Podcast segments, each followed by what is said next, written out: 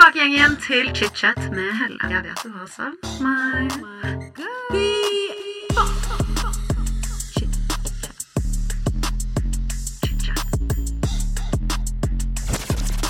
I dag får jeg besøk av influenser og filmskaper Joakim Kleven her i Chicha Studio.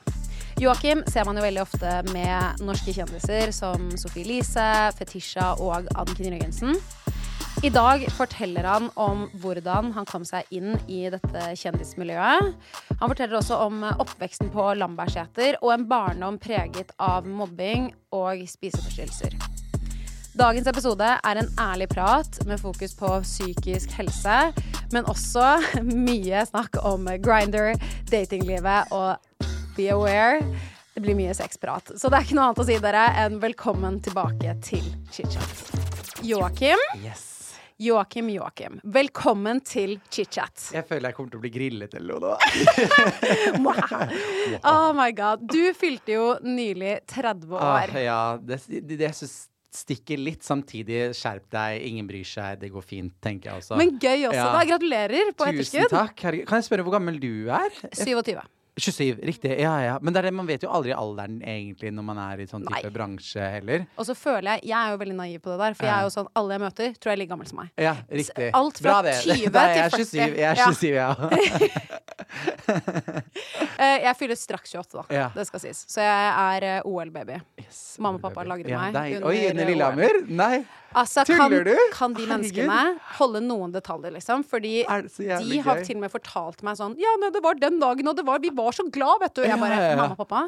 Å, herregud. Shut your mouth. Når ble du omfanget under Ja, liksom en norsk OL-gull? Det var fordi det var OL på Lillehammer, ja. og jeg har bursdag Ikke i november. åpningen, selve åpningsseremonien? Ja, basically da, da. Det er liksom ti dager der det kunne ha skjedd. Så, det, så jeg eh, er jo bursdag sent i november, og det sier seg selv akkurat liksom ni måneder fra åpningen. Så jævlig åpningen. gøy å bli skapt da. Ja, så mamma gøy. kaller meg for gulljenta. Ah, gulljenta. Ja, oh, men det synes jeg eller, nå begynner jeg å tenke på når jeg ble omfanget, men jeg vet egentlig ikke Jeg har lyst til å vite det. Oh my god. Jeg Oh kan regne det ut. Men er du redd for å liksom bli eldre? Er du en av de?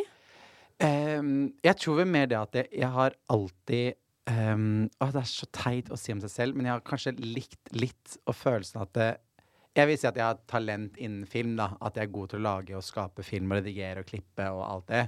At for eksempel sånn når jeg vant Gullruten da jeg var 21 år gammel for Sweatshop-nettserien, så var det sånn Oh my god, ung og talentfull. Men nå er det bare sånn Nå må du bare være flink, punktum. Det er liksom ikke noe sånn ung og lovende lenger. Nå må du bare skjerpe deg og jobbe, liksom. Så jeg har kanskje liksom likt litt den derre eh, Eller både og. Jeg, jeg liker noe av det å bli eldre. Har eh, Alle sier at man blir tryggere i seg selv og dirty 30. Da er man liksom enda mer trygg og har de vennene til sine behov og veldig mer landa. Det er jeg definitivt. Så det er fordeler og ulemper. Eller, OK, jeg skal ikke reflektere masse rundt det. Det er bare at jeg har nok litt sånn aldersangst i forhold til at jeg vil så veldig mye og vil oppleve mest mulig. Jeg syns det er sykt å se at ehm, Jeg kommer til å høre så selvopptatt i denne poden sikkert, men at jeg ser at sånne dritunge 22-23-åringer får til helt syke ting som jeg tenker kanskje jeg ville gjort når jeg er 30-40-50. Og det er aldri for sent, men det er en følelse av at du tenker at litt tikker klokka. Plutselig så er man der, og alle vennene dine har barn og er gift og alt det, mens jeg på en måte fortsatt uh, knuller ut på grinder. Men samtidig jeg vil ikke miste det heller. Jeg er liksom man, Jeg tror det er Vet du hva, jeg vet ikke. Jeg er liksom begge deler. Jeg tenker ene, Det ene øyeblikket så er jeg kjempetrygg på å være 30. I det andre øyeblikket så er jeg superstressa. Og jeg skrev en sånn post sånn derre Og jeg er selvsikker i meg, sånn type sånn Jeg er 30, konferent. Og så skrev Sofie til meg sånn derre eh, Mente du det du skrev på den tekstmeldingen? Eller liksom Insta-posten. Jeg var sånn halvveis. Det er litt begge deler. Det er litt sånn, kommer Ja. litt an på dagsformen. Yes, på en måte. yes. Men det tror jeg veldig mange kan kjenne seg igjen. Mm. Og spesielt i 30-årene, for du går liksom For alle sier jo å, 20-årene, det er liksom the time you can fuck up. Riktig. Nesten. Ja. Og så er liksom 30-årene er sånn å, jeg finner meg selv, og alle sier jeg er så confident. Og så er jeg litt sånn noen dager mm, Ja, Ja. jeg gleder meg jo veldig til 30-årene. Bare fordi jeg tror jeg skal peake utseendemessig da. Jeg skjønner ikke Mm. Ja, hvorfor, men jeg det bare hørte jeg du tror sa i Fetisha Ja. din, at du hadde Marilyn Monroe-tida. Ja, jeg bare føler at jeg kommer til å bli the most sexy myself. Det likte jeg, det husker jeg du sa i den poden, og det likte eh, det jeg skjønner faktisk litt hva du mener med det. På en eller annen måte så tror jeg at jeg er mer sexy eh, Jeg har mer på kontoen og alt liksom når jeg er i midten av 30-årene. Og det gleder jeg meg til og håper at det er liksom det man skal manifistere. Eh, jeg skal ikke være negativ rundt det å bli eldre i det hele tatt. Jeg tror bare at jeg syns Eller OK, oppi alt det her jeg sa, så er det vel en liten frykt om at jeg er redd for at plutselig bare tiden går så fort fordi man har det så gøy og bra, at det er store livsavgjørelser du ikke helt har bestemt deg for fordi du har det så gøy i nuet, at det kanskje en dag er for seint, da. Sånn som for eksempel barn. Ja, jeg tror litt sånne ting som det. Jeg tenker aldri på å ville ha barn nå. Jeg fort, føler meg fortsatt for ung. Jeg tror man er den alderen man føler, og alle de der, du vet, alle kvotene man har hørt. Og jeg tror nok litt det er for meg også. Jeg er nok veldig sulten på å skape egne ting, prosjekter. Jeg er veldig sulten på å reise mer, ligge mer. Du vet, bare ah, liksom bare leve i mitt eget uh, flotte univers. Men så er det litt det med at ok, plutselig sitter du der og er kanskje sånn 40-45 plutselig, da, for tiden går jævlig fort, og tenker sånn Oi, kanskje det med barn ikke blir eh, reelt. Og er det noe jeg vil ha, eller er det Jeg vet ikke. Det jeg liksom tror det er så Ja. mange som tenker det. Uh, Jeg selv sitter i den samme situasjonen, og jeg er jo kvinne i tillegg, så ja, og dessverre har dere eh, både pålagt press selv, men også biologisk klokke, men òg kanskje av samfunnet, alle tre, et press på at man kanskje skal ha barn tidligere. Så nei, jeg vet ikke. Nei, vet du hva, Joakim, jeg tror vi bare Ja, ja, eh, Vi får bare ta det som det kommer. Vi må ta det som det kommer. Jeg er ikke meningen å bli depressiv der. Jeg, tror syns det er et stort spørsmål, virkelig, faktisk. Og derfor jeg at et tall Jeg har definert veldig mye av livet mitt med liksom, prosjekter jeg gjør inntil inntil den alderen skal jeg få til det og det, eller eh, målsetninger, som er kjempebra. Men så er det bare det at det, livet i sin helhet, hvor er målet ditt da? Og det har jeg heller ikke noe grep på, og det tenker jeg kanskje man heller ikke skal ha. Nei. Ja. Nei, jeg tror ikke man skal ha det. Nei. øh. Want to get a chiseled look in the jawline? Sculpt and shape your jawline with added volume from Juvederm Volux XC. Juvederm Volux XC is an injectable gel specifically designed to be robust enough to improve moderate to severe loss of jawline definition. And it is the first and only hyaluronic acid filler approved for the jawline. Add volume to your jawline for a chiseled look with Juvederm Volux XC. For important safety information and to find a licensed specialist, visit juvederm.com. That's J U V E D E R M.com. Not for people with severe allergic reactions, allergies to lidocaine, or the proteins used in Juvederm. Common side effects include injection site redness, swelling, pain, tenderness, firmness, lumps, bumps, bruising, discoloration, or itching. There's a risk of unintentional injection into a blood vessel, which can cause vision abnormalities, blindness, stroke, temporary scabs, or scarring. Talk to a licensed specialist to find out if it's right for you. Visit juvederm.com. That's J U V E D E R M.com. Millions of people have lost weight with personalized plans from Noom, like Evan, who can't stand salads and still lost 50 pounds. Salads, generally, for most people, are the easy button, right? For me, that wasn't an option. I never really was a salad guy. That's just not who I am. But Noom worked for me.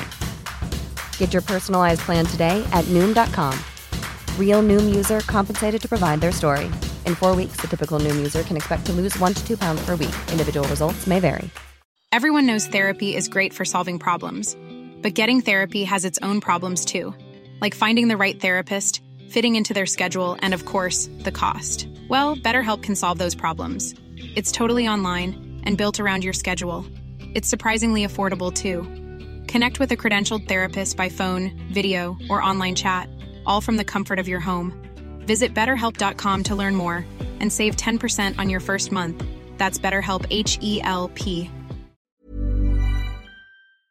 Men vi må gå litt tilbake i tid. Tilbake i tid. Hvis mine kilder stemmer, så er jo du oppvokst eh, på Lambertseter i Yes, Oslo. born and raised. Kan ikke Ja. du fortelle litt om eh, barndommen din på Lambertseter? Eh, jeg hadde en veldig fin barndom fordi at jeg har de fineste og beste foreldrene i hele verden. Eh, og en fantastisk storebror. Så alltid vært eh, veldig Med oss og familien trygg i den jeg var da. Eller liksom Jeg fikk uh, alltid rom for å være meg selv. Uh, men jeg sleit nok litt på uh, barne- og ungdomsskolen litt, fordi at det er veldig um, Det er det vel alltid, men i hvert fall på vår tid, og i hvert fall det å være skeiv eller ikke skeiv. Visste jo ikke det selv engang da når jeg var liten. eh, at um, man var veldig annerledes på skolen. Og det fikk man jo høre ikke at jeg ble liksom mobba sånn dramatisk dytta inn i liksom skoleskap og liksom At det var så grusomt på eh, barne- og ungdomsskolen. Men jeg fikk jo slengt bemerkninger om at jeg var sånn jævla homo, eller at eh, jeg åpenbart måtte ha vært skeiv, eller at eh, jeg var veldig feminin. da. Veldig på det at jeg elsket jo å Jeg sang i kor, jeg likte å gå på Eller jeg ville gjerne gå på dansekurs. Jeg var liksom en typisk skeiv, kan du si, stereotypisk kid.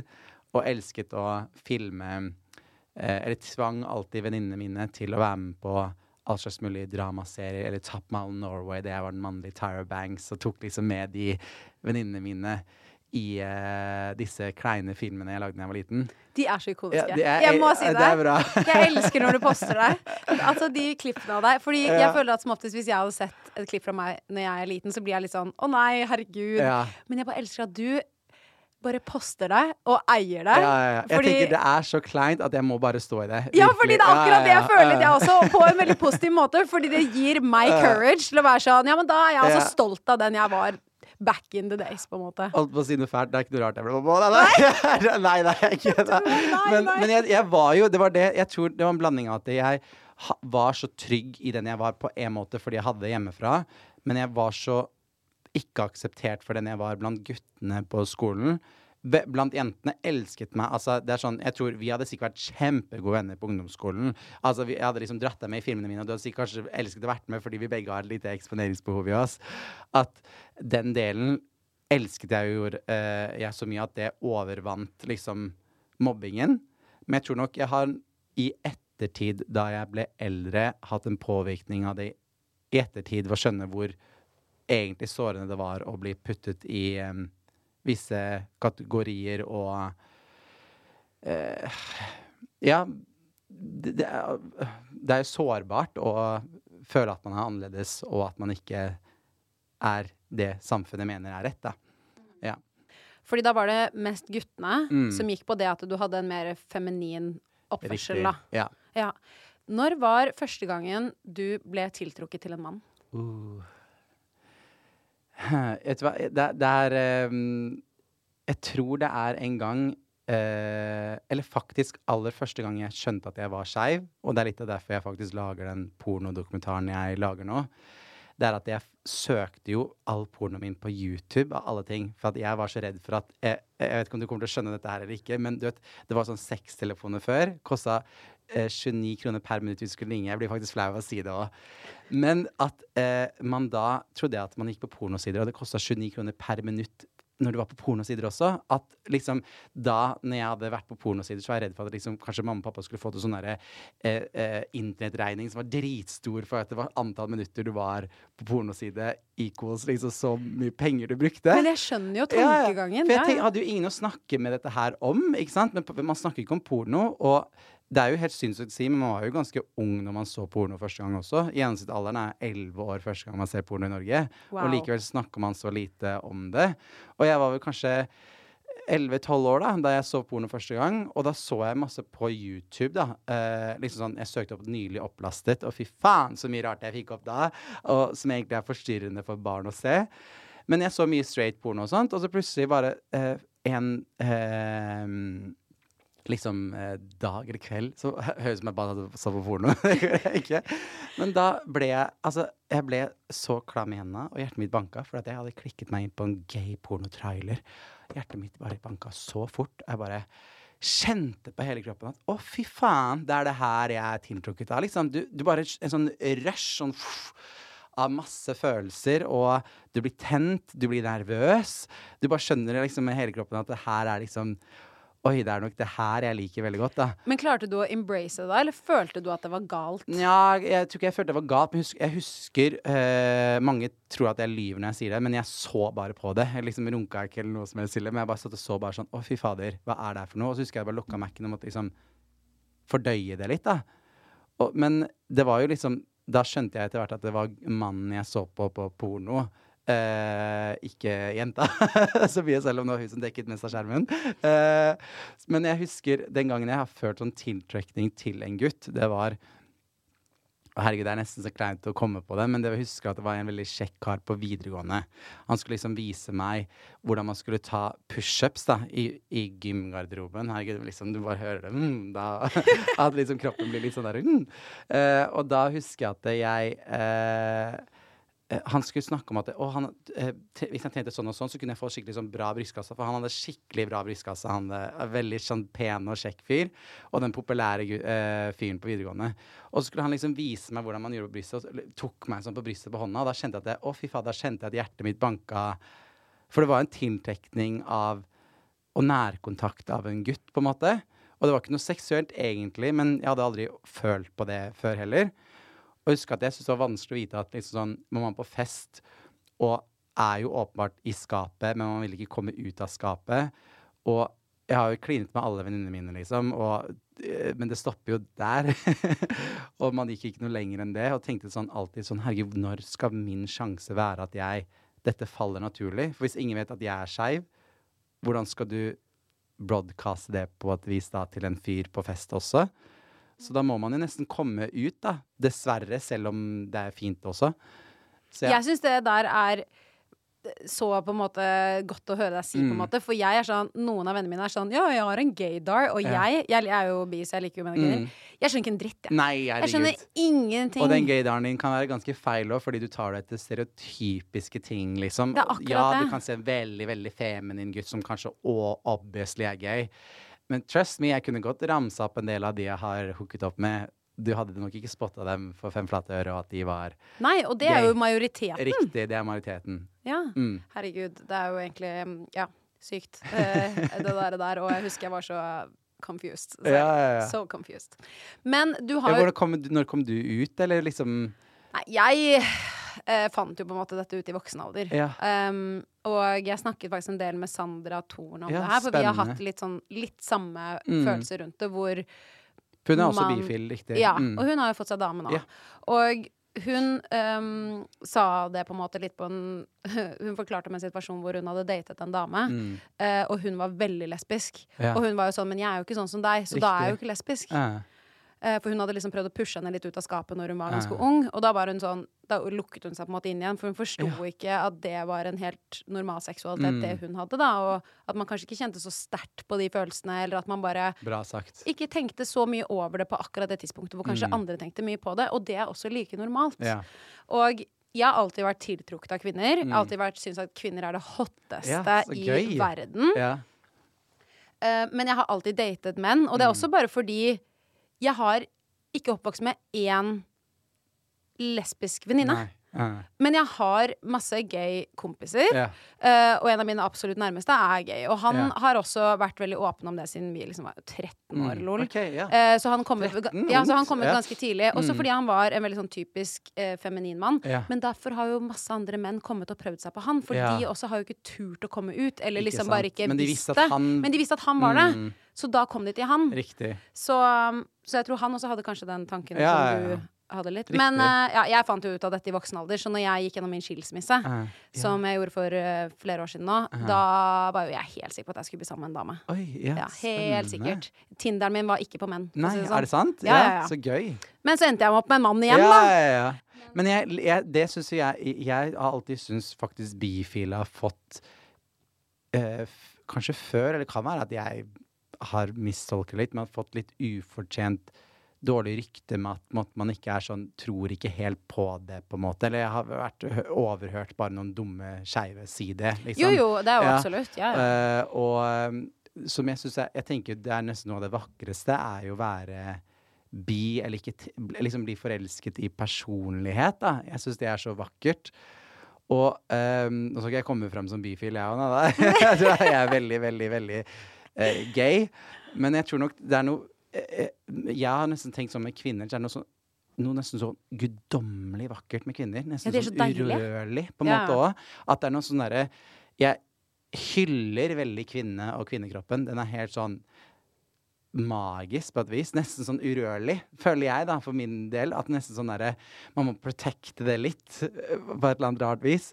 Men eh, jeg syns det er det vakreste, tror jeg egentlig. Jeg kunne på en måte ønske jeg var bifil, faktisk. Fordi eh, da er man jo virkelig åpen for å bli forelsket i personligheten, mest av alt.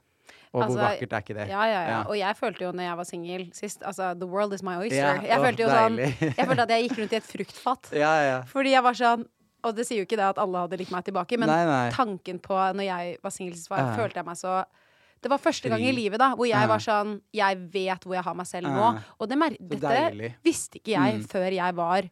Over 24 Ja, år. Shit. Ja. ja. Og det var veldig rart, Ja. egentlig. Men eh, også helt eh, fantastisk, om jeg kan si det på den måten. Ja, ja, ja. Veldig. Oh, fantastisk. Veldig.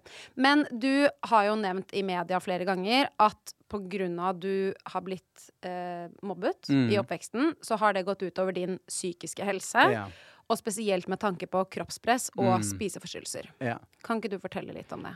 Jeg tror nok sånn eh, På en måte hadde jeg aldri trodd at jeg skulle bli en sånn eh, gutters psykisk helse, spiseforstyrrelse, Joakim, på en måte. En sånn label med at det er det ofte Det kan høres nesten litt perverst å si, men det er nesten det, det, det sykeste eller det mest traumatiske eller det det har vært mest åpen og mest sårbar rundt, er jo det ofte folk drar opp i Si et intervju, eller om det er liksom sånn uh, nettartikler eller hva enn det er, at det blir på en måte en del av deg utad, på en måte, fordi man har gått gjennom noe som er uh, tøft og viktig å snakke om. Men jeg tror nok sånn sånn For min del så var det det at jeg Det tok meg jo mange år før jeg turte å liksom være åpen om det. Men jeg følte at det var så viktig å snakke om det med gutters psykisk helse, for jeg føler at jenter spesielt er veldig flinke å snakke om psykisk helse. Jeg syns det er masse, mange, mange flotte rollemodeller der ute, men jeg savna litt en mannlig figur, fordi at eh, kroppspress blant gutter er noe som er reelt, og det er noe som skjer hele tiden, og kanskje for mange måter tror jeg er om ikke større, så er det like stort blant gutter. Og grunnen for meg, da, måten det trigges på, var at jeg faktura mye. Liksom, det er ikke at jeg ble litt, kall det litt mobbet på uh, ungdomsskolen, og det var det som påvirket at jeg fikk spiseforstyrrelser. Jeg tror nok det er en del av historien. At først var det det å rett og slett bare bli trygg i sin identitet. Jeg sleit Den som sleit med å komme ut av skapet, var ingen andre enn meg selv. Jeg syntes det var vanskelig å vite at OK, når jeg kommer ut av skapet, hvilken homo er jeg? Er jeg twinken eller hunken? Skal jeg være han sterke eller feminine, tynne, søte gutten? Hvilken liksom gutt er jeg, eller, eller hvilken rolle har jeg i senga? Barem, twink. Eh, veldig sånn eh, kategorisert i det skeive miljøet. Følte du at du måtte ha et standpunkt der, på en måte? Ja, men jeg tror faktisk sånn Det høres ut som at jeg bare er her og promoterer den pornoserien jeg lager nå, men jeg tror sånn som jeg hadde et usunt forhold til hva jeg trodde var forventet av meg i senga. Jeg så bare pornofilmer der folk bare liksom ble pult liksom rett på, rett på, rett på. Analsex, liksom. Jeg trodde at det, hver gang jeg hadde sex, så måtte jeg ha analsex. Og jeg måtte være forberedt. Altså, jeg var, du aner ikke hvor mye stress det er å gå ut på badet og gjøre de der tingene. Og er jeg egentlig en barndomsfyr? Jeg vet ikke, jeg er egentlig mer en topp, føler jeg, også sånn personlighetsmessig. Og hva jeg føler var tiltrekkes av å være i senga. Men det var så mye sånne faktorer på en måte jeg bare eh, ikke selv hadde funnet ut av. da. Sånn som når du sitter og sier om det deg selv, at du finner ut av dine ting. Du er på en reise. Den reisen følte jeg var så Fordi jeg var så redd for å komme til å skape, og eh, eh, at om kroppen min var god nok. Jeg var så redd for at når jeg først skulle åpne hjertet mitt da, og begynne å date og ligge med noen Tenk hvor sårbart det er å ligge med folk for første gang. De første gangene, liksom. At jeg var så redd for å bli såret for at kroppen min ikke var bra nok. da. Og derfor utviklet jeg Eller ble det en spiseforstyrrelse av det. Mm. Det var godt forklart. Syns Det, jeg? ja, det syns jeg faktisk var overraskende. Det er ikke overraskende, men det syns jeg var veldig godt forklart. Litt Mm. det der med at presset for det seksuelle Mm. var det som på en måte fikk vannet, eller glasset, til å renne over, på Ja, en måte. jeg tror det er, det, det er faktum med det å bli Jeg tror veldig mange, uansett hvem de er, hva de står for, verdier, for vil vel egentlig bare bli forstått og akseptert for den de er. Det er en veldig sånn lett ting å kanskje si, men jeg tror det er supervanskelig å praktisere det. Jeg tror folk Ingen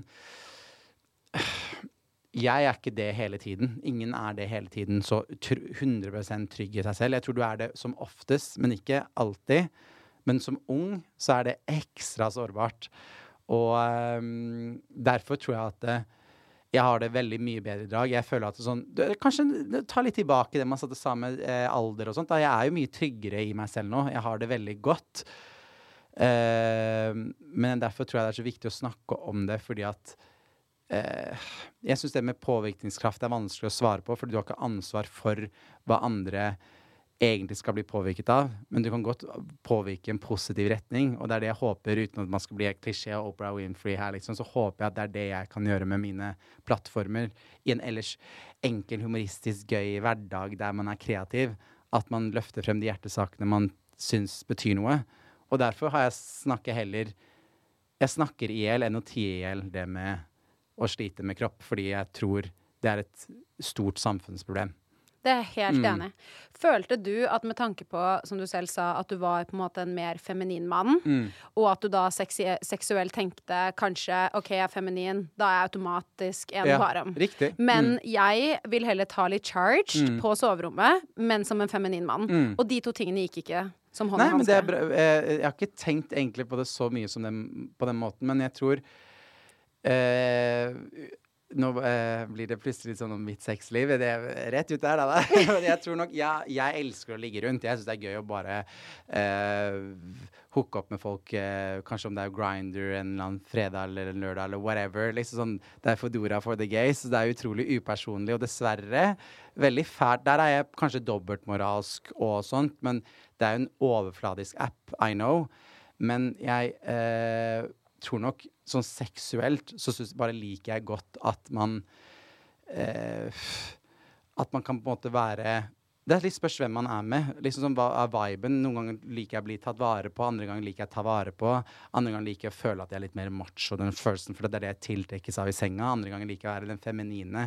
Jeg tror nok Jeg, jeg tror mange tror at når man er eh, skeiv, eller gjerne i hvert fall med skeive folk, da mener jeg også lesbiske, eller om eh, bifil, eller om det er eh, homofil, at du må være én rolle. Liksom, den ene rollen er du. Du er den feminine barom-gutten. Du kan, ikke være, du kan være litt feminin, du kan også være litt macho til de tider. Du er også top or bottom, du er verse, du er, eh, liker ikke anal, du liker bare suging, du liker ikke å ha sex heller. Du kan alt mulig. Du er hva du er den dagen, på en måte også. Noen mer enn andre hele tiden. Men jeg tror nok det er viktig å liksom dyrke at om det er seksualitet eller om det er eh, personlighet, at an, alt handler om å tørre å stå i sin identitet. At det er liksom sånn Det er eh, det å tørre å ikke la det ene gå fra det andre, hvis det gir mening. Absolutt. Ja. Og så litt det der med normene som samfunnet har lagt opp da, Mm. til. Og jeg snakket med en god kompis av meg, Thomas Erdis. Han er også gay. Og han sa jo Mm. det, en ting til meg som jeg følte meg nesten dum når han sa det. For han bare Men Helle, alle gays liker ikke analsex. Nei, riktig. Ja, ja, Og da var jeg sånn Selvfølgelig. Det er jo bare opp til hver enkelt. Jeg har Mm. Yes. så mange venninner som ikke liker analsex. Det er jo sikkert masse folk som er homofile, Mm. som er sammen med menn som heller ikke liker analsex. Og så var jeg sånn, dette er jo en selvfølge, Mm. men samfunnet har fortalt meg at homofile menn, Yes. de elsker analsex. Mm.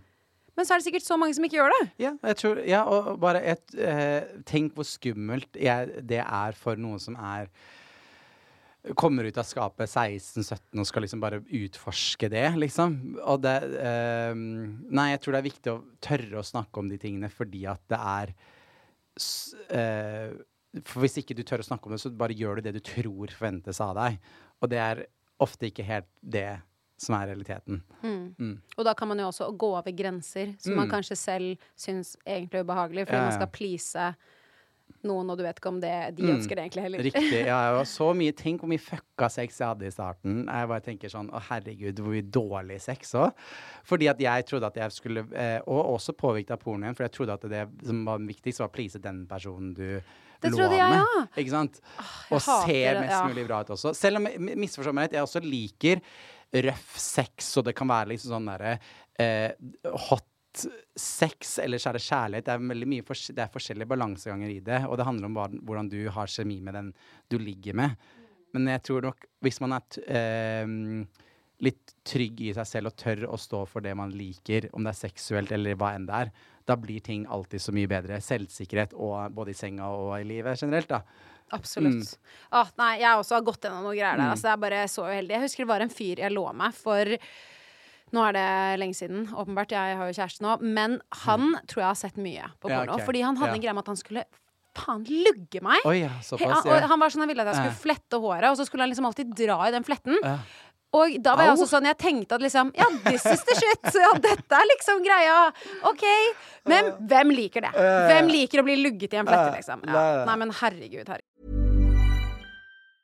Quality sleep is essential. That's why the Sleep Number Smart Bed is designed for your ever evolving sleep needs. Need a bed that's firmer or softer on either side? Helps you sleep at a comfortable temperature? Sleep Number Smart Beds let you individualize your comfort so you sleep better together. JD Power ranks Sleep Number number 1 in customer satisfaction with mattresses purchased in-store. And now, save 50% on the Sleep Number limited edition Smart Bed for a limited time. For JD Power 2023 award information, visit jdpower.com/awards. Only at a Sleep Number store or sleepnumber.com. A lot can happen in three years, like a chatbot may be your new best friend. But what won't change? Needing health insurance. United Healthcare Tri Term Medical Plans, underwritten by Golden Rule Insurance Company, offer flexible, budget friendly coverage that lasts nearly three years in some states. Learn more at uh1.com. Wow. Nice. What you're hearing are the sounds of people everywhere putting on Bombas socks, underwear, and t-shirts made from absurdly soft materials that feel like plush clouds. Yeah, that plush. And the best part? For every item you purchase, Bombas donates another to someone facing homelessness. Bombas. Big comfort for everyone. Go to bombas.com slash ACAST and use code ACAST for 20% off your first purchase. That's bombas.com slash ACAST. Code ACAST. Gud. Men vi må jo gå litt videre i ditt Ja, liv. Fordi første gang jeg så deg, Mm. så tror jeg det var på en eh, video til, med Anne Jord. Okay, riktig. Ja. Og så liksom, ikke så lenge etterpå, så så jeg deg en video med, med Sofie Elise. Riktig. Og så enda en blogger, og Og en så- til blogger.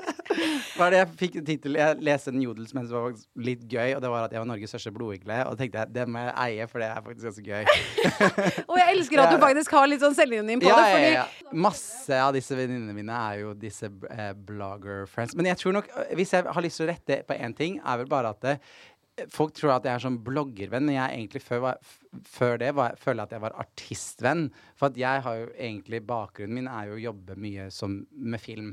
Jeg har jo jobbet som lærling fra jeg var eh, 17 år hos Snøballfilm to år, og så jobbet jeg som frilans etter det. Og da klippet jeg musikkvideo for, musikkvideo for Stella Mwangi, Alexander Rybak, Madcon, til og med musikkvideo med Snoop Dogg har vært med og klippet. Jeg har klippet for mange Alexandra Joner og masse musikkvideoer jeg har klippet i starten av karrieren min. Men musikkvideoer er ofte ikke så veldig mye penger å hente i, dessverre. Noe jeg elsker å gjøre, men eh, ikke masse penger i det. Eh, og så var det et behov jeg hadde der jeg f.eks. lagde Sweatshop og hadde regi og klipp av den, og elsket å gjøre det. Men da satt jeg liksom seks-syv måneder og klippet og lagde den serien. Og så møter jeg en person som Anniken som bare er så fri og bare lever livet og opplever verden og bare er så kreativ og kul. Og så har jeg egentlig det veldig i meg, jeg også, følte jeg da. Bare at jeg ikke helt turte å uh, gjøre det på en måte på egen hånd. Og da ble jeg liksom tilfeldigvis kjent med Anniken da via Sweatshop, og da ble vi veldig gode venner. Uh, for jeg syns hun, hun er jo helt fantastisk. Uh, ja, et av de beste menneskene jeg vet om. Og så møter jeg Sofie, som også er et av de beste menneskene jeg vet om. Og vi har det bare så gøy og kreativt sammen. Jeg starta med å ta sånn bloggbilder for henne. Dagens outfit-bilder og sånne ting. Men Var det så- sånn du ble kjent med Sofie? Det var sånn vi ble kjent. Fordi at jeg starta Eller første gang jeg møtte Sofie, var at jeg var uh, tok bilder for Anette Marie Antonsen, vet du hvem hun er? Også en blogger. Hun var med på Tigerstaden. oh, ja, ja, ja, ja, og hadde en blogg da også. Og da husker jeg at jeg hadde lagd vært så klein at jeg hadde lagd en musikkvideo som het 'Scream It Out'. ikke sant? Der om gay rights og love uh, uh, uh, Knows No Gender-musikkvideo. Og så hadde jeg spurt folk om å dele den, blant annet Sofie, så klein som jeg er. Hun hadde bare tatt sett, men jeg hadde delt den rundt til mange folk. Eh, og da hadde hun Anette da sett den musikken og syntes at jeg var flink, og tenkte at vi kunne jobbe sammen og ta litt bilder. Og jeg tenkte sånn der, OK, gøy. Jeg hadde nettopp satt og sett på bloggerne, og syntes jo det var liksom Da begynte blogging å bli litt mer fenomen for litt mer mainstream Ikke bare blogg.no, på en måte, men ja. Eh, og husket hun fra Tirsdagen, så tenkte jeg OK, kan jeg ta noen bilder for henne, da? Og da når jeg tok noen bilder for hun, som var ganske ja, en hyggelig og fin shoot med Anette første dagen, så lå det en eller annen sånn emo-girl i senga. Så jeg var sånn Hvem er det her? Så tar hun opp etter og bare ja. Altså, hva er det, Sofie? og, så bare, og så, da var jeg Så prøvde jeg å være så kul. Jeg var sånn Jeg blir så flau av å si det. Men jeg var sånn Ja, hei, hei. Så prøvde jeg å være skikkelig sånn der kul, da. Så, Sykt low-key. Ja, super low-key. Så vi var egentlig veldig sånn derre Jeg vet ikke eh, Hun trodde faktisk at jeg var en sånn eh, litt sånn emo-kid, og jeg trodde også hun var litt sånn emo. da Og hun hadde liksom vært en av mange breakups med han Robin, den partysvensken Og sammen da, da. ja. ja, ja. Eh, så jeg ble jo kjent med henne i den perioden, men vi da møttes en annen kveld etter det, for det som var Alexandra Joner sin sånn tap dance musikkvideo release party som hadde klippet den musikkvideoen. Og da når vi møttes da, så bare bonda vi skikkelig. Hadde det dritgøy, dansa på byen og bare hadde det veldig gøy. Og da tenkte vi sånn OK, greit, kan ikke du ta noen bloggbilder for meg, da? Og da tok jeg liksom noen bilder av Sofie inntil en sånn murvegg. Herregud, så jævlig kre kreativt. Uh, og så poserte hun med høye hæler i snøen, liksom. Det, men de bildene er ganske fine, da, Uh, vil jeg si. Tør jeg påstå. Men så liksom hadde vi det veldig gøy da, og så var det da at hun var på mitt dansecrew den perioden. Og da liksom eh, hadde jeg noe regi på et opptak hun gjorde, og så begynte vi liksom bare å henge masse sammen og hadde det dritgøy. Så når vi tok disse da dagens outfit-bildene for Sofie, så eh, bare hang vi Eller vi tok bildene et kvarter, og så hang vi sammen i flere timer og skravla og hadde det dritgøy. Så vi ble bare jævlig gode venner skikkelig fort. Ble kjempefort sånn forelska i hverandre. Og så var det det at jeg møtte Jeg føler vi er en sånn trekløver, da. Det er med Fetisha også. Og da møtte jeg Fetisha på et vors hos Sofie, og vi så på hverandre Altså, jeg tror seriøst med Fetisha var det kjærlighet ved første blikk, for vi så på hverandre. Vi bare Jeg tror jeg sa et eller annet sånn sikkert noe gay, halvveis morsomt, og hun begynte å le med den deilige latteren til Fetisha. og uh, bonda liksom sånn. Eh, så eh, da ble vi en sånn trekløver som bare hang sammen dritmasse. Og så ble det YouTube-kanal med meg og Sofie, og vi hadde dritgøy der. Og så ble det Sofie verden, og vi bare gjorde masse gøy sammen. Ja. Altså, dette er jo helt fantastisk, fordi jeg var jo litt sånn Hvordan kan du på en måte være bestevenn med så mange forskjellige personligheter? Fordi når jeg tenker Sofie Elise og Anniken Jørgensen, så er At de på ganske forskjellige. ja, men forskjellig De er også ganske like. De er både like og ulike, vil jeg si. Ja, hvordan Men, da, eh, tenker du? Nei, men mer det at eh, jeg syns eh, de, eh, de- OK, Sofie er jo eh, og kanskje veldig holdt på å si bling-bling out there på et vis, mens Anniken er mye mer sånn melankolsk og sånn, på en måte. Men de er to veldig flinke, eh, hardtarbeidende jenter som er veldig gode på å sette ord på følelser. De eh, Ja, de skriver jo begge de to. skriver. Ja, ja. kjempegodt, begge to. Og det er noe veldig unikt. Jeg synes det var noe veldig sånn spesielt med Da jeg ble kjent med Anniken. Det var en 17 år gammel jente. Jeg var 21 da jeg lagde Sweatshop. Hun var 17. Og bare satt så ord på de følelsene rundt det med tekstilindustrien. Og du fikk jo helt vondt i hjertet av alt hun sa og følte på, da. Så eh, samme med Sofie også. Det er sånn, hun fikk, jeg syns Sofie har fått altfor mye sånn eh, Noe jeg syns er nesten irriterende å høre, folk er sånn der, Jeg er veldig eh, ofte uenig med Sofie, men akkurat her er jeg enig. Bare sånn, Egentlig så går det igjennom hva Sofie snakker om og mener. Fy fader, så reflektert og eh, god hun er på å sette ord på følelser du kanskje sliter med å sette ord på. Ja, hun, om hun er utspekulert eller whatever, hva folk tenker om det, så har hun så mye godt og bra i seg. Så jeg har bare På ekte, det er ikke Selvfølgelig, jeg ville også på en måte opp og fram på et vis. Jeg kunne legge skjul på at selvfølgelig når man er der, og jeg tror nok alle i en del, delen av en eksponeringskultur har lyst til å vise seg fram og har et mål med det man gjør. Det tror jeg alle har i sin karriere. Men det er ekte, genuine vennskap av det. Og eh, jeg har lært masse av de jentene. Mm. Mm. Jeg, på. jeg likte det du sa om Sofie. Jeg er helt enig. Mm. Veldig enig med det. Har du noen gang valgt en venn en gang som du har hengt mye med for å få fame selv?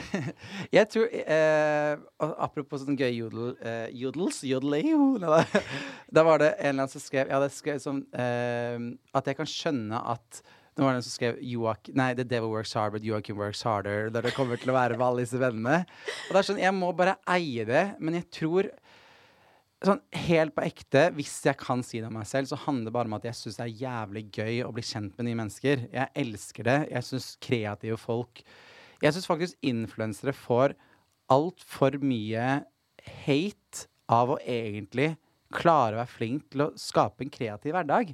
Det er jo det jeg holder på med, bare at jeg vil jo si at jeg er filmskaper også, for det er det mitt talent og det jeg jobber med. Akkurat som du er en makeupartist også, og influenser. Man har på en måte det yrket og talentet sitt i det. Men jeg har masse respekt for det de jentene har fått til. Jeg syns den bloggerne-verden var kjempegøy å være en del av. Jeg ser også effekten av hvor mye påvirkning det kan også ha. Hvor fascinerende det er å bruke stemmen sin til noe godt der òg. At jeg føler ikke at jeg har på en måte eh, blitt venn med noen bare for å bli venn med noen fordi at de er den de er. Nei, det jeg mener, jeg føler ikke jeg har aldri blitt det. Jeg tror bare egentlig det handler om at både jeg og jeg faktisk kan si Fetisha vi er jævlig gode på å mingle og er glad i å møte nye folk. Og glad i å snakke om oss selv og glad i også å bli kjent med andre folk og høre hva de føler og mener og er, hvem de er. Men det er dere jo. Mm. Altså, dere er jo noen av de mest sosiale vesenene jeg har møtt noen gang. Og dere er jo sykt gode på networking. Ja, men- sånn, fordi dere syns det er gøy. Ja, men jeg det tror det også, jo jeg tror Man må ikke liksom ska, et, eh, skamme seg i det med at eksempel når man er på et eller annet event eller whate- wherever hvor hyggelig er det ikke at du er på et sted, du får gratis mat, drikke, du får eh, en eller annen goodiebag, du får samle masse folk du følger som du syns er kule og flinke. Eh, du mingler, du catcher opp. Det For eksempel så nå har vi blitt kjent i en podkastepisode. Det er koselig at vi møtes neste gang og bare Hei, herregud, hvordan gikk det med det og det? Ting man snakker om. Det handler jo bare om genuin interesse av å eh, møte folk. Og altså, det er kult med folk som tør å være Jeg digger folk som tør å være seg selv på ekte og ikke tenke på janteloven. Altså, tenk hvor mange som er så vi, vi bor i verden så Nå skal jeg bli så klisjéfull her, men vi bor i liksom verdens eh, liksom rikeste og beste land, og vi har alle muligheter i hele verden på å skape det vi vil gjøre, og være den vi vil være. Hvorfor ikke gjøre det? Liksom, jeg tenker at Det som gir meg masse inspirasjon, er jo folk som gjør akkurat det. Jeg, ser, jeg tror faktisk ikke det fins et snev av sjalusi i meg på den måten. Jeg tenker bare um, Og jeg blir så quote og klisjéfull her. Jeg, jeg kommer til å le når jeg hører den podkasten. Men jeg tror det var Victoria Beckham eller en eller annen som sa sånn uh, Og nå kommer jeg kanskje ikke til å gjenfortelle så godt, men det med at eh, du uh, Jeg kan bli den største Victoria Beckham jeg kan bli. Ikke at man skal tenke å jeg skal bli like stor som Beyoncé eller jeg skal bli like stor som den og den og den personen. Jeg kan bli så stor og flink som Joakim Kleven kan være. Jeg syns det er så gøy tankegang å føle på. Å, jeg drømmer om å skape det, gjøre det og gjøre det. Men hver dag så pusher jeg på at ting jeg gjør og skaper, har jeg opplevd noe nytt og møtt, møtt noen nye mennesker. Sånn som at jeg gjør nå Jeg er dritstolt og ikke redd for å si det. Tenk at jeg skal ut snart med en dokumentarserie om pornoindustrien. Første gang jeg er programleder for en TV-serie. Jeg får møtt pornostjerne. Kanskje jeg blir pornovennen. Ikke sant? At det, det er det jeg holder på med nå. Ja, men vet du hva? Jeg har møtt så mange fine pornostjerner. Og uh, hvor spennende det er å høre om folk, folk som har et helt annet liv enn det du har, og gjerne blir møtt med veldig mye fordommer. Hvor mye styrke det også ligger i det.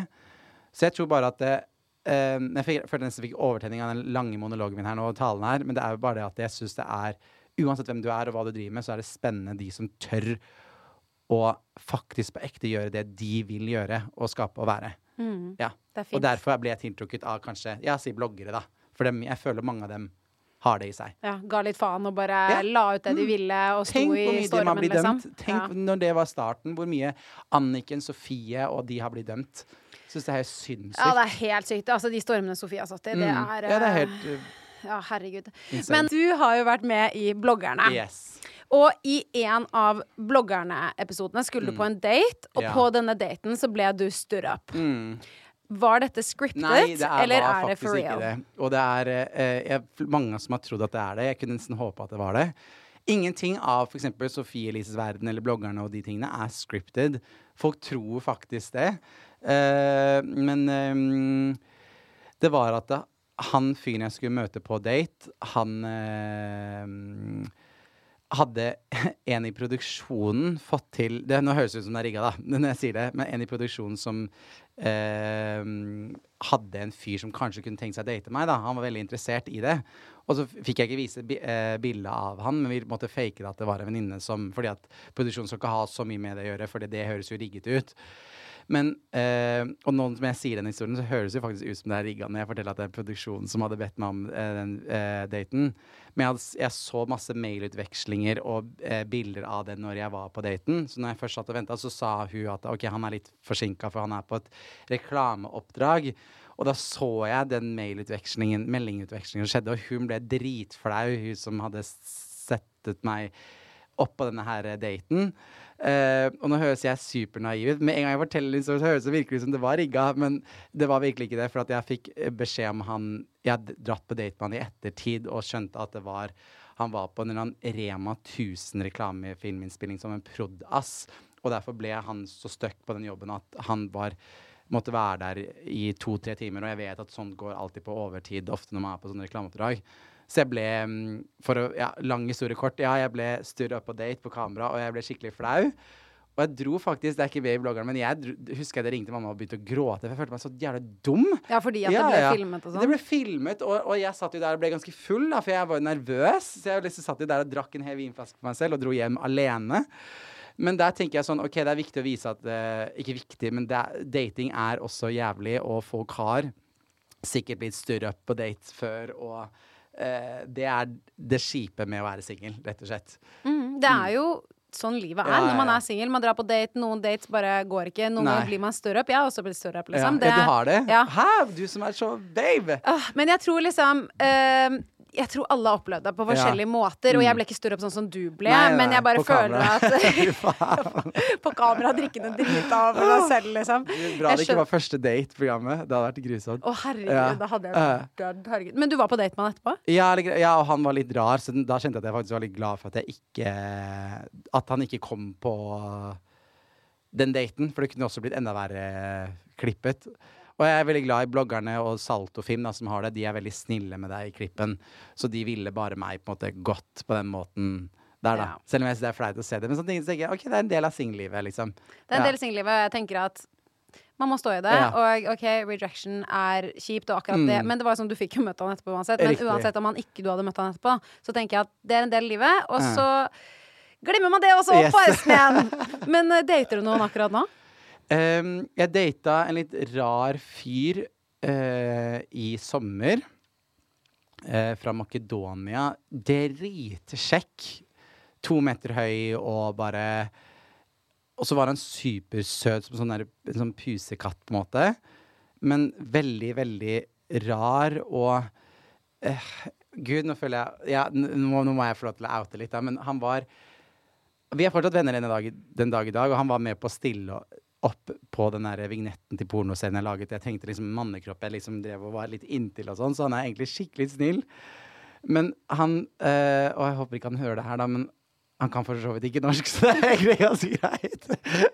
Men han var sånn øh, Han var hele tiden sånn Oh, you're so beautiful, oh, you're so beautiful, I, uh, you're amazing. Og det var sånn drithyggelig. Men du vet, når du ligger Og nå føler, nå føler jeg meg som en drittsekk, men når du liksom da ligger da til klokka syv på morgenen, og han bare stryker og pusser på deg, og du ikke har sex enda, på en måte, og til slutt så må det, etter sånn fire timer så, oh, you're so beautiful, you think you're amazing, and you're so talented, og bare sånn, oh, thank you, can we like fall asleep now? Så jeg bare sånn, mm, yes, og så uh, quiet, ikke sant, så prøver jeg ikke å stryke meg, for jeg er trøtt, syv på morgenen, det er ganske sent, Og det hadde ikke ligget? Nei, og det var sånn hele tiden, hver gang. Da, unnskyld, jeg glemte å si det. Hver gang så hver var gang dere skulle sove sammen?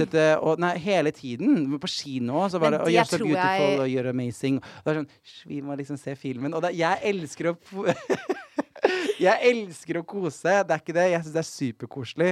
Men liksom, du vet, når du da klokka syv på morgenen prøver å sove for at du er litt sliten av at vi har, prata så mye søtt og varmt i flere timer Jeg tenker sånn litt koselig Jeg, er, jeg liker egentlig kos Ja, men jeg tror alle forstår hva du mener. Ja, og, da, Ja, sånn, ja. du vet, når han er sånn, og da liksom OK, I will stop. You're so, beaut you're so beautiful. Og, og jeg husker jeg liksom, og blir for sliten til at vi hadde sex, liksom. For det var så mye kosing.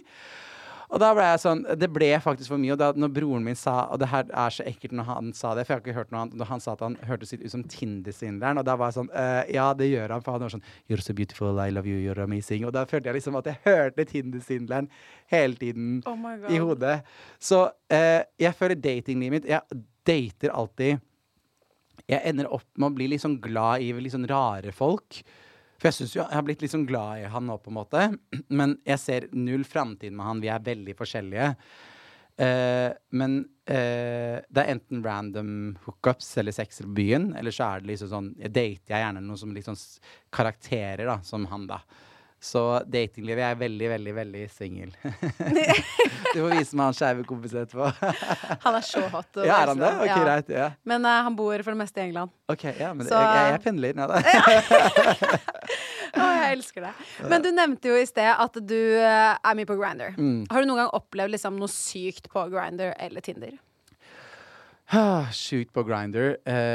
ja, jeg Å, um, oh, fy faen. Jeg, nå, jeg må bare nå, Jeg må slutte å egentlig tenke på at jeg skal ha filter. Men jeg, det var her for ikke så lenge siden Så var det en fyr jeg møtte som hadde kjempefotfetisj.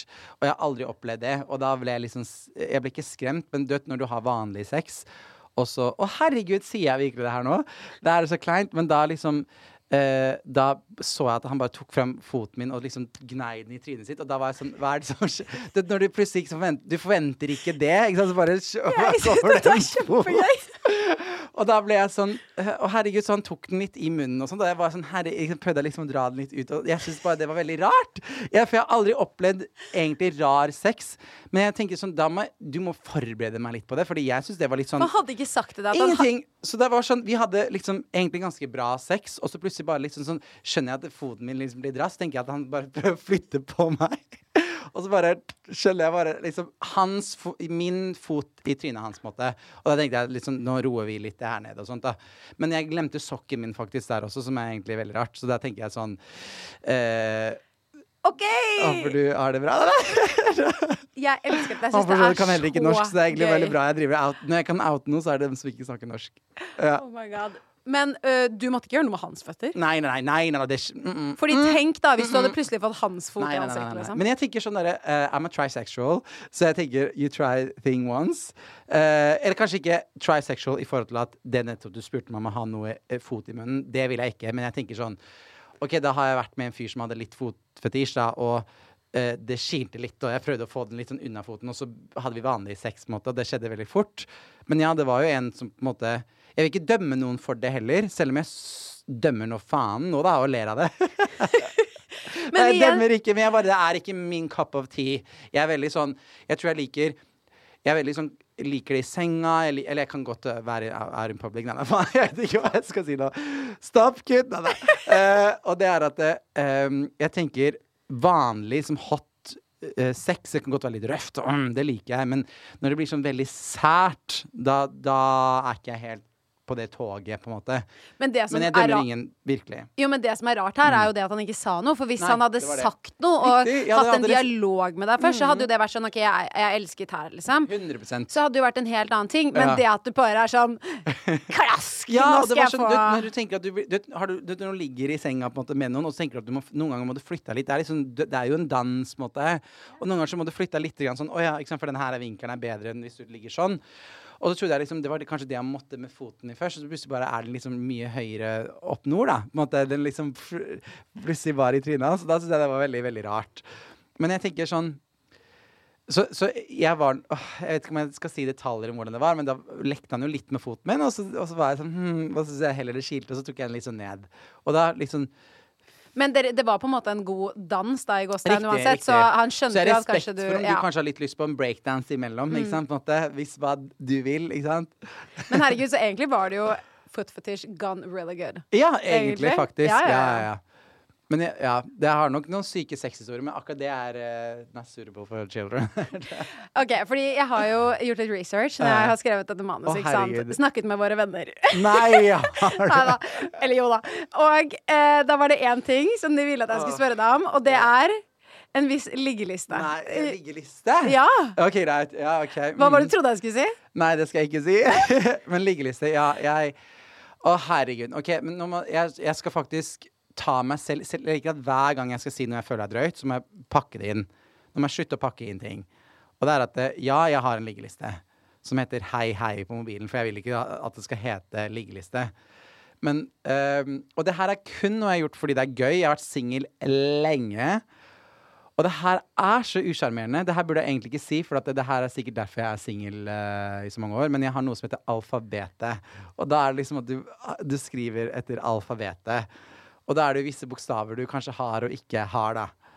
Så Og så det- du hunter ned på en måte folk som har et Nei, navn? å herregud. Som ikke du har en Jeg starter bokstav så politisk korrekt den podden her, og så bare!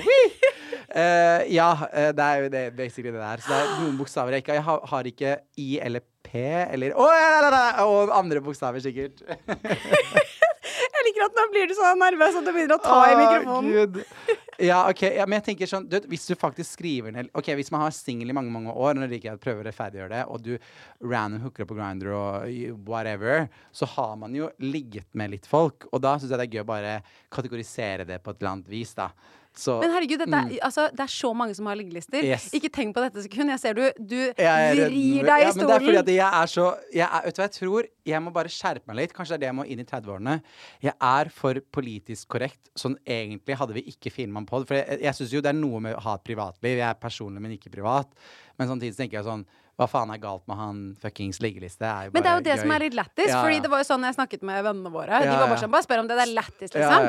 Og jeg tror, herregud, Jenny Husasker kom ut med en sang som heter Liggeliste nå. Så jeg må kødde masse med det, fordi folk har liggelister. OK, jeg har en liggeliste. Ja, du har det? Ja. Men har du alfabetisert den? Nei, det har jeg ikke. Men jeg har, jeg har skrevet opp fra liksom første.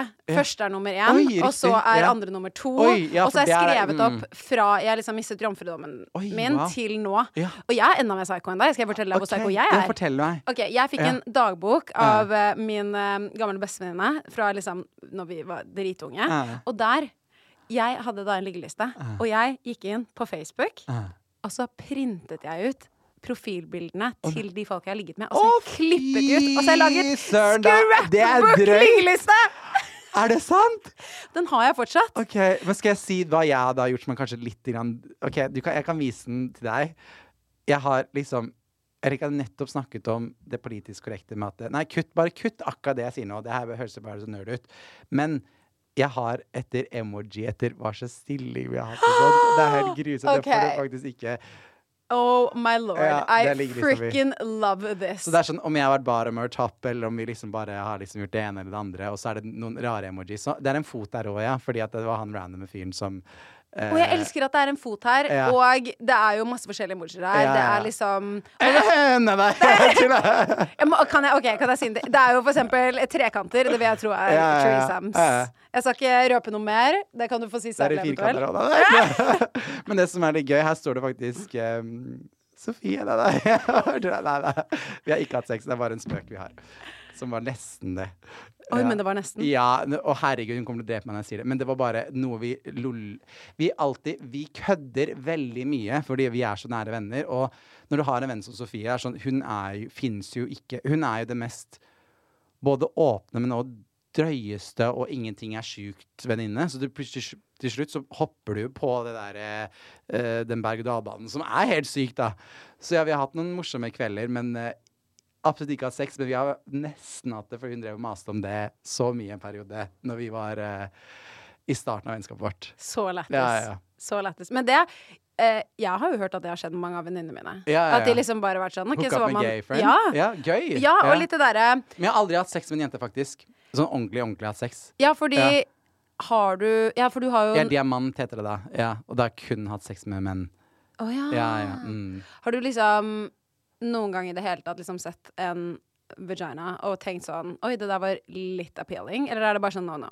Nei, jeg har tenkt sånn for eksempel at da jeg eh, har kjent på ikke sant, hos min venninne og bare, hm, hvordan det er, så har jeg kjent liksom hm, Å ja, det her liksom kjennes riktig. Eller det, det her kjennes ikke riktig ut, men det kjennes på en måte Jeg skjønner at det er der den skal liksom skikkelig inn, på en måte. Jeg, jeg kjenner at det er skikkelig deilig og, og godt, på en måte. Det er liksom Ja. votten. Du skjønner votten. at den jeg at det er passer. sånn der, jeg, så, er ikke noe sånn du gjør noe sånn her?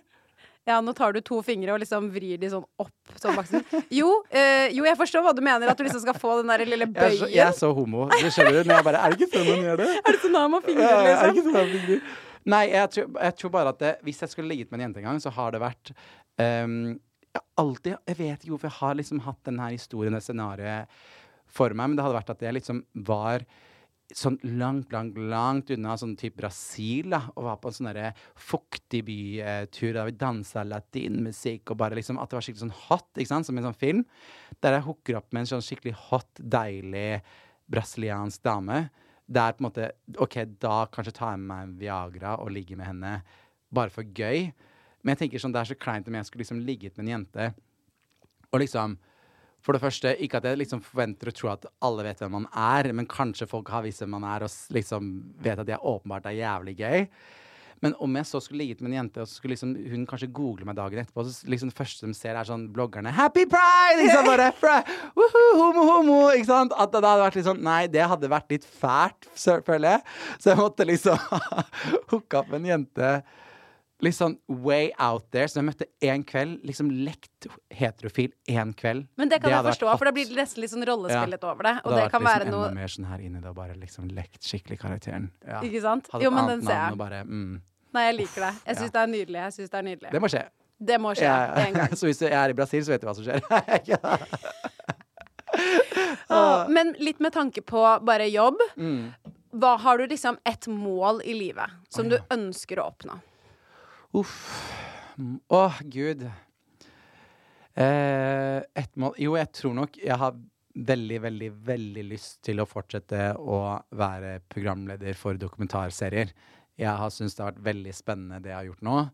Eh, det jeg snakker om å få muligheten til å møte mennesker som veldig mange ser på som annerledes, men å faktisk få frem dems stemme og dems historie, da. Jeg syns det er superfascinerende.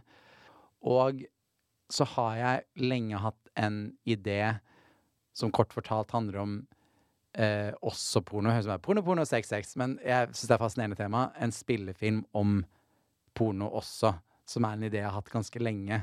Som handler litt om gay for pay i Øst-Europa og sånne ting. Som jeg håper at jeg kan skape når jeg kanskje er sånn i 40-årene. Når jeg kanskje har bestemt meg ikke kanskje ha barn, men jeg skal være en hot eh, eldre filmskaper.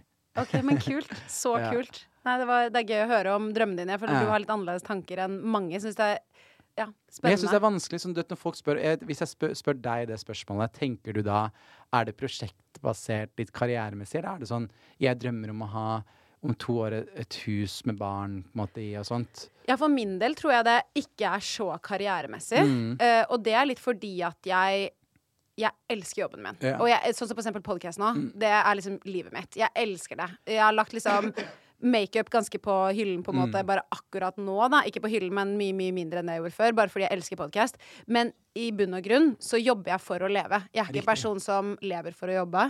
Så jeg har veldig lyst Altså Målene mine i livet er vel egentlig for det første bare å være lykkelig, fordi jeg har slitt litt med tankene mine Ja. og liksom det. Det er fint sagt. Um, ja, og Men jeg er også en materialistisk bitch, Mm. fordi jeg er dritkeen på et jævla hus i Holmenkollen. ja.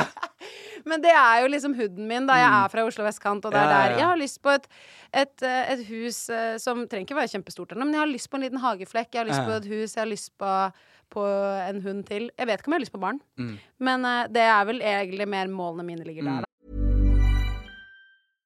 How would you like to look five years younger? In a clinical study, people that had volume added with Juvederm Voluma XC in the cheeks perceived themselves as looking five years younger at six months after treatment. Look younger, feel like you. Add volume for lift and contour in the cheeks with Juvederm Voluma XC. Reverse signs of aging by adding volume to smooth laugh lines with Juvederm Volure XC. For important safety information and to find a licensed specialist, visit juvederm.com. That's J U V E D E R M.com. Not for people with severe allergic reactions, allergies to lidocaine, or the proteins used in Juvederm. Common side effects include injection site redness, swelling, pain, tenderness, firmness, lumps, bumps, bruising, discoloration, or itching. There's a risk of unintentional injection into a blood vessel, which can cause vision abnormalities, blindness, stroke, temporary scabs, or scarring. Talk to a licensed specialist to find out if it's right for you. Planning for your next trip? Elevate your travel style with Quince. Quince has all the jet setting essentials you'll want for your next getaway, like European linen, premium luggage options, buttery soft Italian leather bags, and so much more. And is all priced at 50 to 80% less than similar brands. Plus, Quince only works with factories that use safe and ethical manufacturing practices. Pack your bags with high-quality essentials you'll be wearing for vacations to come with Quince. Go to quince.com/pack for free shipping and 365-day returns. Jeg synes, Har du sett den der memen som er den derre uh, Selena Gomez blir spurt sånn derre uh, What's the most important thing in your life? Sier sånn derre My family. Og så ser du Kim Kardashian si, sier sånn My KKW high, uh, lash contour. Jeg vet ikke det! er sånn så- derre- er. Jeg føler mitt svar var Kim Kardashian, og du var Selena Gomez. Men jeg tror nok Men jeg syns du sier noe veldig fint, faktisk. Og hvis man skal liksom gå litt sånn dypt i det, hvis jeg skal være veldig personlig, da, er at det, Eh, jeg har sli, slitt veldig mye med dødsangst. Som masse. Jeg, synes det eh, jeg sliter ikke med angst generelt og den sosiale angst. Den, ingenting. Men jeg syns det er sykt rart å tenke på at vi lever her og nå. En dag alt du føler og alt du mener og tenker, er borte. Jeg syns det er superskummelt. Jeg syns ikke det er skummelt når jeg sier det til deg nå, for vi er to i dette rommet om det. Men liksom når det er liksom mørkt, og det er litt sånn, man er alene i sine egne tanker, da kan jeg kjenne skikkelig sånn stikk inni meg. Og jeg tror nok mye av det jeg har Hvis man Det kan være at jeg enten sier noe som gir veldig mening nå, eller ikke. Men jeg tror hvis du spotter veldig mye folk som er eksponeringsglad, da, glad i seg selv og prosjekter, meg inkludert her nå, så tror jeg veldig mange går rundt med en sånn uro. For man skal skape ting og gjøre ting og være noe. Man skal opprettholde det man det imaget man selv har skapt, man liksom skal være, som du egentlig helt aldri klarer å opprettholde. Om det er å redigere bildene dine til en sånn type utseende du skal være, eller om du skal være eh, det speede i jobb du hele tiden gjør. Du skal være Du er det du tror andre tenker om deg. Men det når du sier at det f.eks. er lykkelig, det kjenner jeg veldig på. For at jeg er ganske lykkelig i det jeg gjør. Jeg er heldig, det er jeg. Men jeg har nok også tillatt meg å også ikke alltid føle at man har det så bra fordi man går rundt med veldig uro. Jeg tror nok ofte at det Derfor jeg ikke har prøvd noe form for drugs. At jeg drikker egentlig ikke noe særlig ofte. Fordi at jeg har nok en indre uro i meg der jeg er eh, redd for å, alt man ikke er. At man er eh, redd for å ikke få til de tingene man har lyst til å gjøre. Man definerer seg basert på prosjekter. Man eh, eh, Tenker du mye da over hva andre tenker om hva du får til, på en måte? Ja, jeg tror, nok, jeg, jeg tror nok når folk sier sånn Jeg bryr meg ikke om hva folk tenker om meg. Jeg bryr nok om hva folk tenker om meg. Jeg liker å ha en ironisk distanse og kan kødde med morsomme jodler og den delen, men jeg liker ikke hva at folk Hvis jeg føler meg misforstått fordi jeg føler at ting jeg Jeg legger mye av min verdi i det jeg skaper og gjør, dessverre. Uh, for jeg føler det er veldig meg, og for jeg går med hjertet mitt sånn. Og så er det en blanding av at det, jeg er så redd for å høres så selvopptatt ut å si det, men så er det sånn derre Jeg vil Hva er det man sier med det med dødsangst? Er man dør én gang. Eh, det er når du først dør.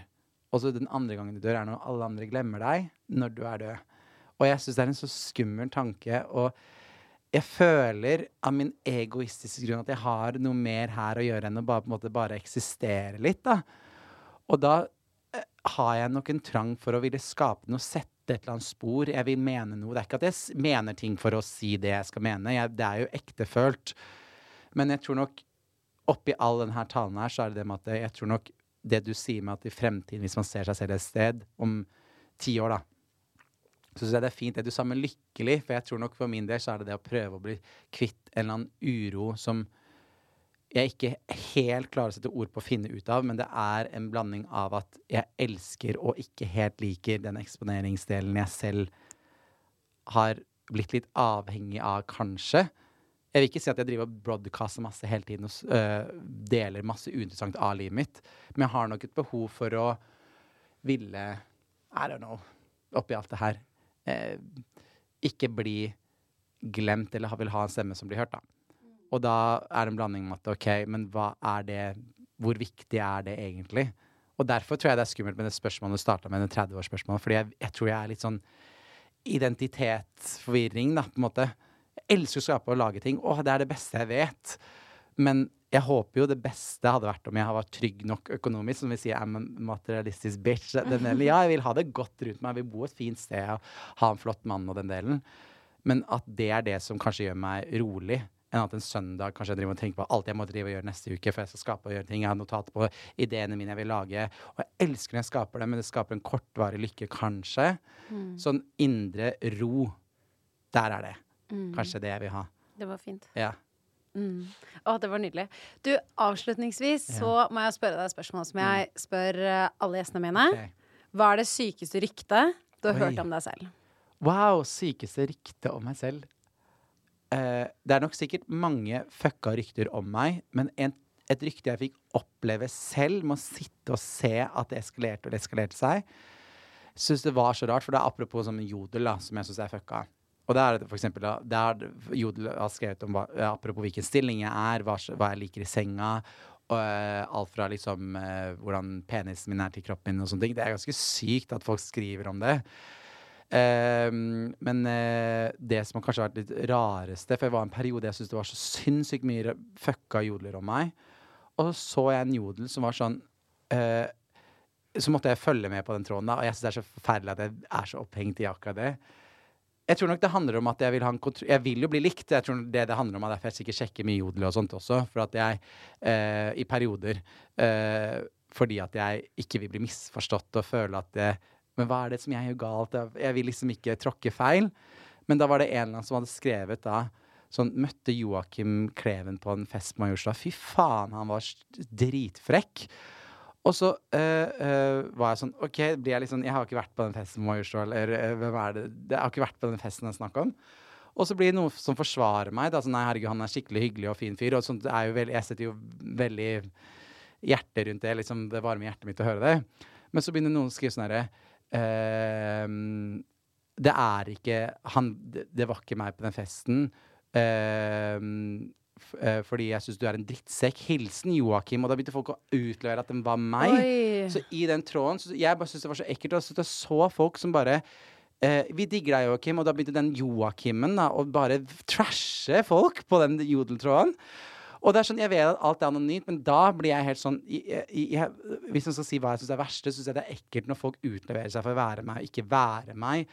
Og Uh, du har ikke noe kontroll sykt, på det. Så det var bare det at det, Kanskje ikke det er det sykeste ryktet som at jeg har hørt at jeg har to eh, babyer der ute. Det er ikke en sånn type rykte. Men det at folk eh, lager et scenario og tror de er meg, og Grinder-profiler, f.eks. Altså for tilsett noen som trodde de snakka til meg, og så bare 'Hva heter du?' 'Nei, Anders.' Og bare 'Hæ?' Så sender han fyren som jeg snakker med på Tinder, det her til meg. Bare, «Eh, 'Det er noen som utleverer seg for å være deg der'. Det syns jeg er ekkelt. At hvis man blir mistolka på et eller annet vis, at folk tror at jeg virkelig mener dette her, da. Så det er det verste jeg syns. Ja, det skjønner jeg Mm. så, så, så godt. Ja. Men Joakim, dette har vært en nydelig chat. Ja, gøy. Både eh, veldig juicy, men òg litt sånn sårbart. Jeg trodde liksom Ja. ikke helt at det skulle være det i dag. Vi fikk en god kombo, vil jeg si, i dag. Det har vært nydelig. Tusen hjertelig takk for at du kom i chit-chat. Takk for at du fikk komme. Så koselig.